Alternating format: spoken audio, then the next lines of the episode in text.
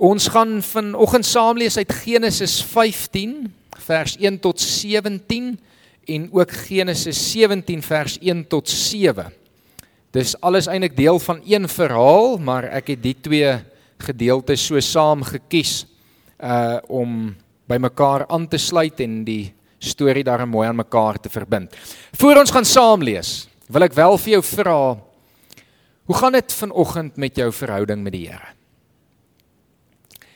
Voel die Here vir jou naby of voel hy dalk ver? En nou gaan ek jou vanoggend baie erg uitdaag, mag die meeste van julle sit daarom langs julle eggenote of in julle gesinne. Om vir 'n oomblik vir mekaar te sê, hoe gaan dit werklik? En ook hoekom? Ek gaan so 'n minuut of 2 daarvoor gee. Hoe gaan dit met jou verhouding met die Here? Voel die Here naby of ver en hoekom deel dit met die persoon langs jou of so saam in julle gesinne? Dit is dalk 'n gesprek wat uh die res van die dag dalk verder nog kan gaan. Uh van julle sien ek is so bietjie huiwerig en bietjie stil. My ma het altyd gesê as ek in die erediens haar gaan dwing om met iemand langs haar te praat, gaan sy uitstap. so ek weet dit is nie vir almal nie, maar nogtans dink ek is dit goed dat ons as medegelowiges ook met mekaar kan deel hoe dit gaan. Ek lees vanoggend vir ons uit Genesis 15 vanaf vers 1. Hierna het die woord van die Here in 'n gesig tot Abraham gekom. Moenie bang wees nie, Abraham. Ek beskerm jou. Jou beloning sal baie groot wees. Toe sê Abraham: Here my God, wat kan U vir my gee? Ek sal kinderloos sterf en Eliezer, die man uit Damaskus, sal my besittings kry. Abraham het verder gesê: U het nie vir my 'n nageslag gegee nie. 'n Slaaf uit my eie huis sal my erfgenaam wees. Maar die woord van die Here het tot Abraham gekom. Daardie een sal nie jou erfgenaam wees nie. Een wat jou eie naasat is, hy sal jou erfgenaam wees. Toe die Here vir Abraham buitentoe laat gaan en vir hom gesê: "Kyk op na die hemel en tel die sterre as jy kan." Verder sê die Here vir hom: "So baie sal jou nageslag wees. Abraham het toe in die Here geglo en die Here het dit goed gevind dat Abraham so volgens die wil van die Here gehandel het. Hy het vir Abraham gesê: Ek is die Here wat jou uit Ur van die Galdeërs laat wegtrek het om hierdie land aan jou te gee as jou besitting. Maar Abraham vra: Hoe sal ek weet dat ek dit sal besit, Here my God? Toe beveel die Here hom: Bring vir my 'n vers, 'n bok en 'n skaapram, almal 3 jaar oud, en 'n tortelduif en 'n jong duif. Abraham het dit alles vir die Here gebring en dit middeldeur gesny. Hy het elke helfte teenoor die ander helfte neergesit. Die voëls het hy nie verdeel nie. Die roofvoëls het op die karkasse begin toesak, maar Abraham het hulle weggejaag. Teen sononder het 'n diep slaap Abraham oorval. Angs 'n groot donkerte het hom oorweldig. Toe sê die Here vir Abraham: "Wees beslis dat jou nageslag vreemdelinge sal wees in 'n land wat nie aan hulle behoort nie. Daar sal hulle slawe wees en onderdruk word 400 jaar lank. Maar ek sal die nasie straf wat van jou nageslag slawe maak en dan sal hulle met baie besittings wegtrek. Jy sal in vrede sterf en op 'n hoë ouderdom begrawe word." Die vierde geslag na jou sal hierna toe terugkom. Dan eers sal die ongeregtigheid van die Amorite sy volle maat bereik het. Toe die son ondergaan ondergegaan het en dit donker was, gaan daar skielike oond wat rook en 'n fakkel wat brand tussen die stukke vleis deur. En dan lees ons ook in hoofstuk 17 vers 1 tot 7 Toe Abraham 99 jaar oud was, het die Here aan hom verskyn en vir hom gesê: Ek is God, die Almagtige. Lewe naby my en wees opreg. Ek sal my verbond met jou sluit en baie baie mense uit jou laat voortkom. Abraham het op sy knieë geval en toe sê God vir hom: Dit is my verbond met jou. Jy sal die vader wees van 'n menigte nasies. Jy sal nie meer Abraham genoem word nie. Jou naam sal Abraham wees, want ek maak jou die vader van baie nasies. Ek sal jou baie vrugbaar maak. Ek sal jou tot nasies maak en konings sal uit jou voortkom. Ek bring 'n verbond tot stand tussen my en jou en jou nageslag en al hulle geslagte. Dit is 'n blywende verbond. Ek sal jou God wees en ook die God van jou nageslag. Ons lees tot en met sover. Miskien het jy vanoggend hierna gesit en luister en by jouself gedink wat het hierdie enigsins met my uit te maak? Hoe kan hierdie storie van Abraham wat duisende jare vroeër afspeel enigsins my help in my verhouding met die Here. Nou toegegee die verhaal klink baie vreemd vir ons vandag, veral aangesien ons nie die antieke Joodse gebruike en tradisies geken het nie. Maar as ons so bietjie die agtergrond hier verstaan, dan begin alles wel sin maak. So wat gebeur hier? Julle ken die storie van Genesis, nê? Nee. So min of meer. God het geskep. Julle is by met daai deel, nê? Nee? OK, dit lyk so. God het hierdie perfekte wêreld geskep. En toe gebeur een van die slegste ondenkbaarste dinge ooit. Adam en Eva tree ongehoorsaam aan God op. En hierdie perfekte wêreld wat God geskep het, kom tot 'n val.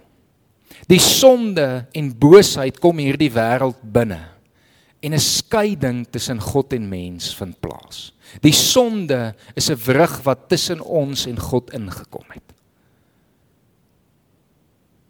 En dan lees ons dat in Genesis dinge van daar af amper net slegter en slegter word. Eerstens vermoor Kain vir Abel. Later begin dit so sleg gaan dat God sê hy moet maar oor begin en dan ken ons almal die verhaal van die groot vloed en die gesin van Noag se gesin waar God sê met julle sal ek oor begin.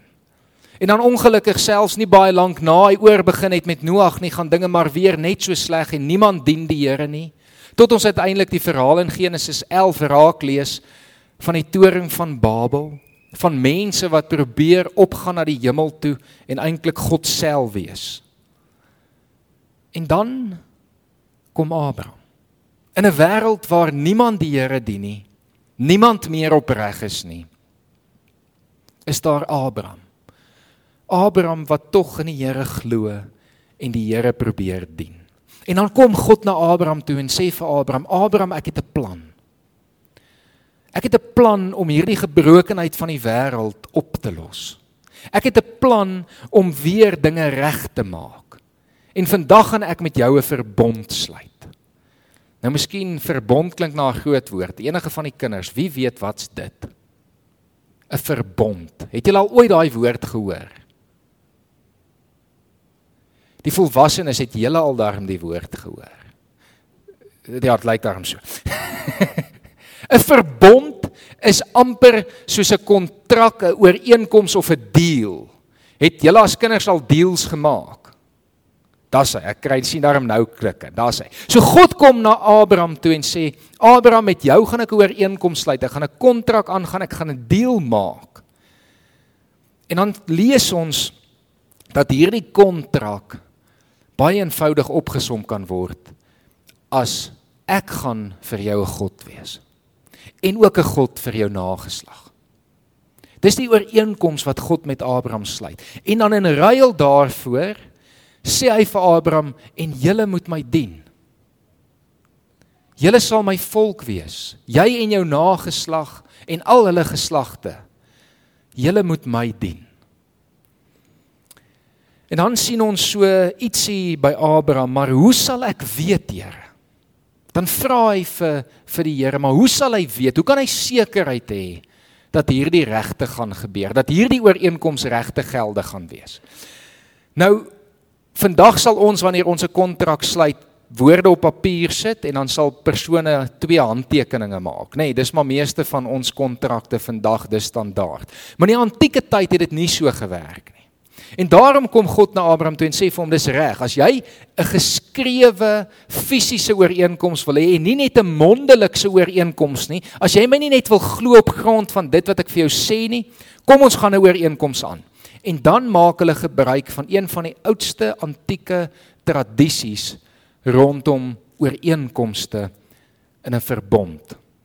En wat hy dan doen is hy sê vir Abraham: "Abraham, kry 'n klomp diere en sny hulle middeldeur en sit 1/11 van die karkas aan die linkerkant en die ander aan die regterkant. En in 'n normale ooreenkoms sou dit so gewerk het dat die twee persone wat dan die ooreenkoms gesluit het, beide deur hierdie karkasse sou stap. En die gedagte hier agter was dat indien een van die partye die ooreenkoms sou verbreek, hulle met hulle lewe en met hulle bloed sou betaal soos wat hierdie diere waardeur hulle stap ook met hulle bloed en lewens moes betaal. En dan lees ons 'n baie interessante ding. Abraham wag 'n rukkie want ons lees dat hy aan die slaap geraak het. Ons lees dat die roofvoëls al hierdie karkasse begin toesak het, want hy wag nou dat die Here moet kom en dat hulle hier deur kan stap. Maar dan gebeur iets interessant. Abraham stap nie deur nie. God stap twee keer deur. God stap namens Abraham deur. Ons lees hier in vers 17 dat daar twee beelde gebruik word om God te beskryf wat hier deurstap. Die eerste een is 'n oond wat uh rook en die tweede een is 'n fakkel wat brand. En hierdie twee simbole is eintlik simbole wat reg deur die Bybel gebruik word om God se teenwoordigheid uit te beeld. Die rook, waarskynlik die mees per prominente voorbeeld daarvan, is wanneer die volk by Sinai berg kom en daar dan rook uit die berg kom om God se teenwoordigheid te simboliseer. Die wolkkolom wat die volk lei in die woestyn is ook 'n voorbeeld wat baie naby hieraan is. Die tweede simbool, die van vuur, is een wat nog meer voorkom. Julle ken die vuurkolom wat in die woestyn die volk gelei het, die brandende bos waardeur God met Moses gepraat het, die vuur, die Heilige Gees wat soos vuur op die disippels neergedaal het. Dis is hierdie twee algemene simbole om God se teenwoordigheid te simboliseer. En dit sien ons dan baie duidelik raak dat God twee keer hierdeur gaan en Abraham nie. Met ander woorde, wanneer dit kom by die kontrak teken van hierdie ooreenkoms, teken God twee keer. God teken namens Abraham die ooreenkoms. Met ander woorde, God sê ek sal my kant van die ooreenkoms nakom. Ek sal vir jou en jou nageslag en al hulle geslagte 'n God wees. Maar indien jy en jou nageslag nie die ooreenkoms kan nakom en vir my 'n volk is wat my dien nie, sal ek die verantwoordelikheid dra. Sal ek met my lewe, met my bloed betaal. Ek dink meeste van julle begin nou raak sien waantoe hierdie gaan, nê. Nee. Ek wil nie volgende week se preek weggee nie. Maar ons sien baie duidelik raak dat hierdie verbond wat God hier met Abraham gesluit het, uiteindelik in Jesus aan die kruis verwesenlik word, voltooi word tot sy volle reg. Op die ou ende is hierdie storie van God wat met Abraham 'n verbond kom sluit het. 'n Storie van 'n God wat in liefde homself aan mense wil verbind. 'n God wat mense geskep het om in 'n verhouding met hulle te leef wat deur die sondeval gebreek is. En God het gesê dis nie goed genoeg nie, ek gaan 'n plan maak om dit reg te stel. En ek sal myself verbind tot hierdie plan, selfs al kos dit my lewe. Dis 'n storie van God wat jou en my so liefgehad het dat hy duisende jare terug homself al in 'n kontrak en 'n ooreenkoms en 'n verbond ook met jou homself verbind het om vir jou 'n God te wees. Miskien kan jy vir jouself afvra maar maar hoe is dit op my van toepassing. Hierdie is tog met Abraham en sy nageslag. Maar dan wil ek gou vinnig spring na Romeine toe. Romeine 4 en Romeine 5. Romeine 4, ek gaan vir ons vers 16 en 17 lees. Hoor nou wat sê Paulus hier.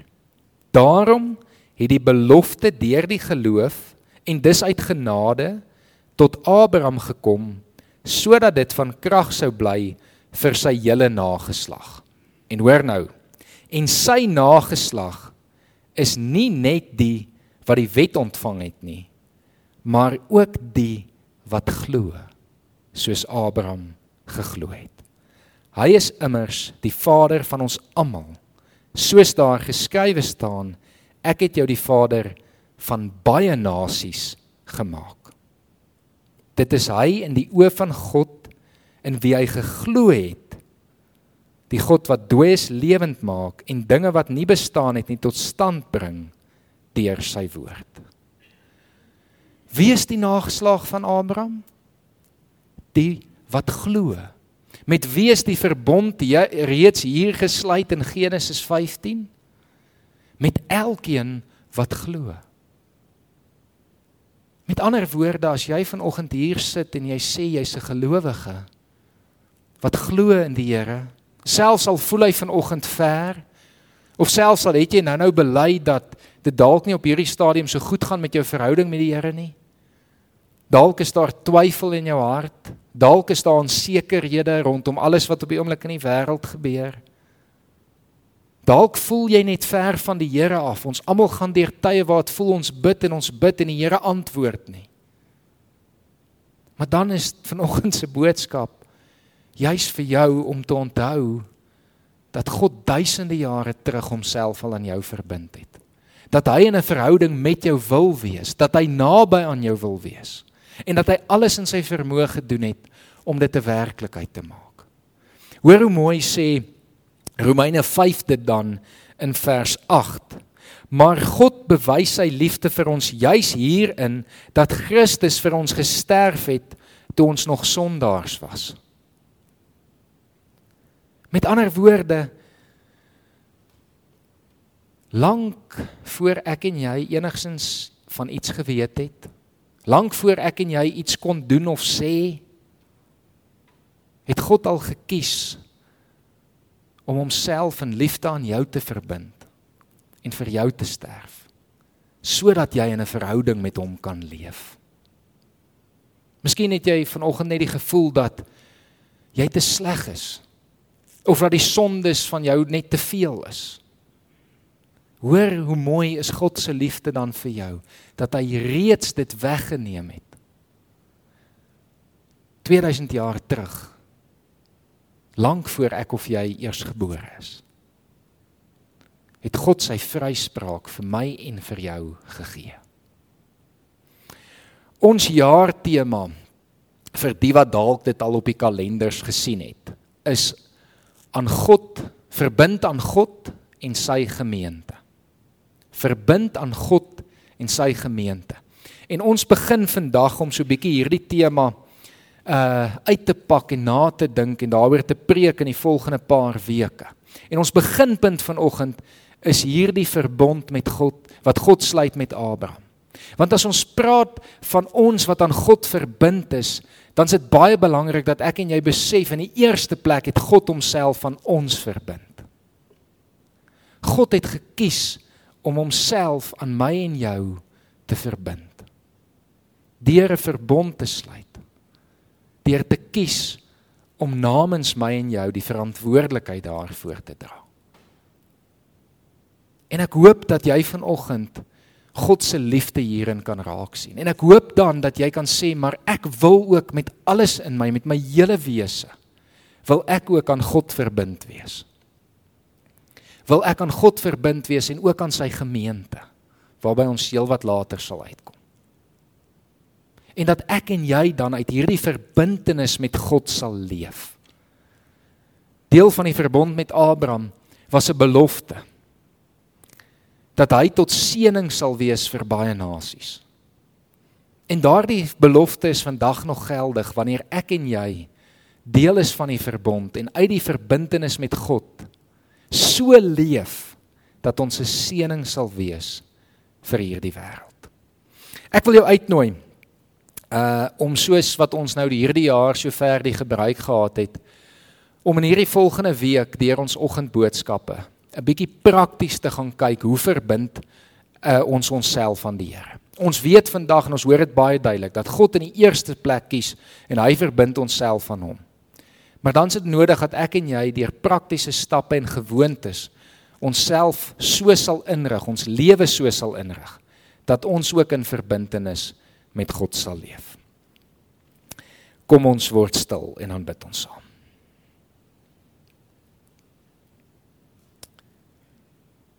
Here, dankie vir hierdie verhaal. Dankie vir U wat die mensdom so liefgehad het. Here vir U wat duisende jare terug al U plan in werking gestel het. En dat ons die hele storie van Genesis tot Openbaring tot ons beskikking het om dit in geheel te kan lees en te kan verstaan. Here, ons kom vanoggend na U toe want ons wil graag onsself ook aan U verbind. Ons dank U dat U Uself reeds aan ons verbind het.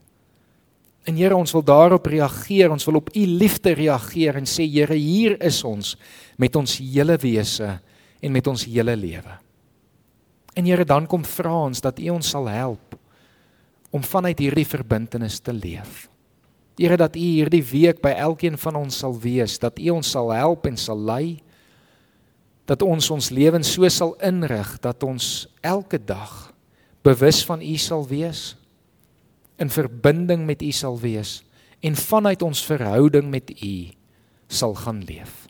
Here, ons kom vra dit van U want ons besef, Here, ons weet dat u beloftes waar word. Dat u altyd by u woord hou. En Here dat dit die enigste manier wat die moeite werd is om te leef uiteindelik is. Ons bid dit in Jesus se naam alleen. Amen.